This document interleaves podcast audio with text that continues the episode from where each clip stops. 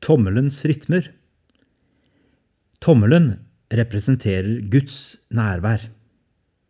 Kristendommens kjernebudskap er at Faderen har bøyd seg ned og kommet oss nær ved sin Sønn Jesus Kristus og gjennom Den hellige ånd. Gud kan møte oss på utallige måter. Det er blitt sagt at nøkkelspørsmålet er ikke om Gud er her, men om vi er her. Er vi til stede i eget liv? Ordet er deg nær i din munn og i ditt hjerte, sier Paulus. Jeg er glad for læren om nådemidlene som jeg alltid har hatt med meg fra den kirka jeg tilhører.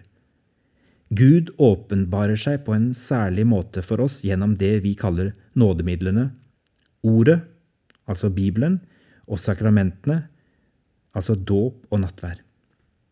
Ingenting av det som sies i det følgende er ment å erstatte denne tradisjonen, snarere å utfylle den.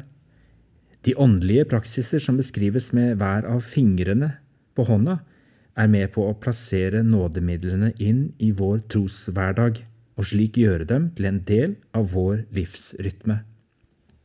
Akkurat som de andre fingrene kontinuerlig, kontinuerlig berører tommelen, er enhver åndelig praksis avhengig av Guds kontakt og kontinuerlige nåde. Her er ikke faktorenes orden likegyldig. Du vet det sikkert i teorien.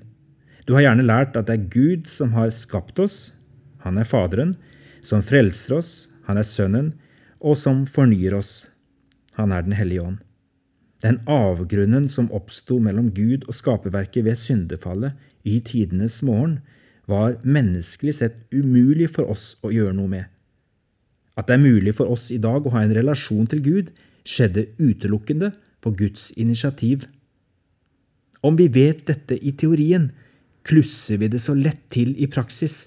Vi handler som om det forholder seg motsatt, at det er vi som har skapt Gud og holder ham i live med våre bønner, med våre fellesskap, med våre gode gjerninger. Det er her vi finner den viktigste forskjellen mellom andre religioner og den unike relasjonen Gud tilbyr oss i Jesus Kristus. Det er dette som er nåde. For å bli i bildet av hånden, det er ikke vi som strekker oss i retning tommelen og oppnår berøringspunkter med Gud. Det er alltid Gud, symbolisert ved tommelen, som kommer oss i møte og gjenoppretter enhver kontakt. Men her kommer det avgjørende poenget. For å opprettholde og fordype denne relasjonen mellom oss og ham, benytter han seg av noen kontaktflater, noen berøringspunkter mellom himmel og jord. Det er disse berøringene jeg forsøker å beskrive ved hjelp av fingrene på hånden. Lillefingeren, ringfingeren, langfingeren og pekefingeren settes i bevegelse for at vi skal ta imot og erfare Guds nærvær, for at vi både skal overleve og vokse som disipler, og for at også andre mennesker rundt oss skal komme i berøring med Guds rike og erfare Hans nærvær.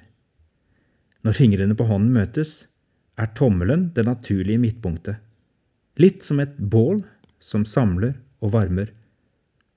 Bålet er en metafor du vil møte igjen flere ganger i denne boka. Jeg er inspirert av keltisk fromhetsliv. I de keltiske klostrene og kirkene var ilden et symbol for Guds nærvær. Den skulle brenne uten stans dag og natt, år ut og år inn.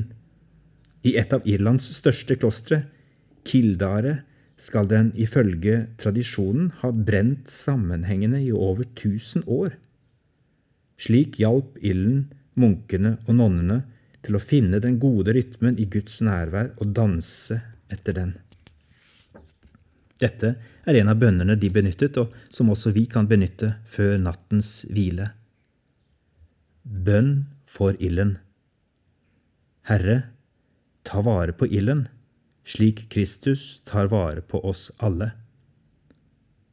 Herre, måtte dens varme forbli i vår midte, slik Kristus alltid er iblant oss. Herre, La den blusse opp til liv i morgen tidlig, slik vi skal oppstå med Kristus til evig liv.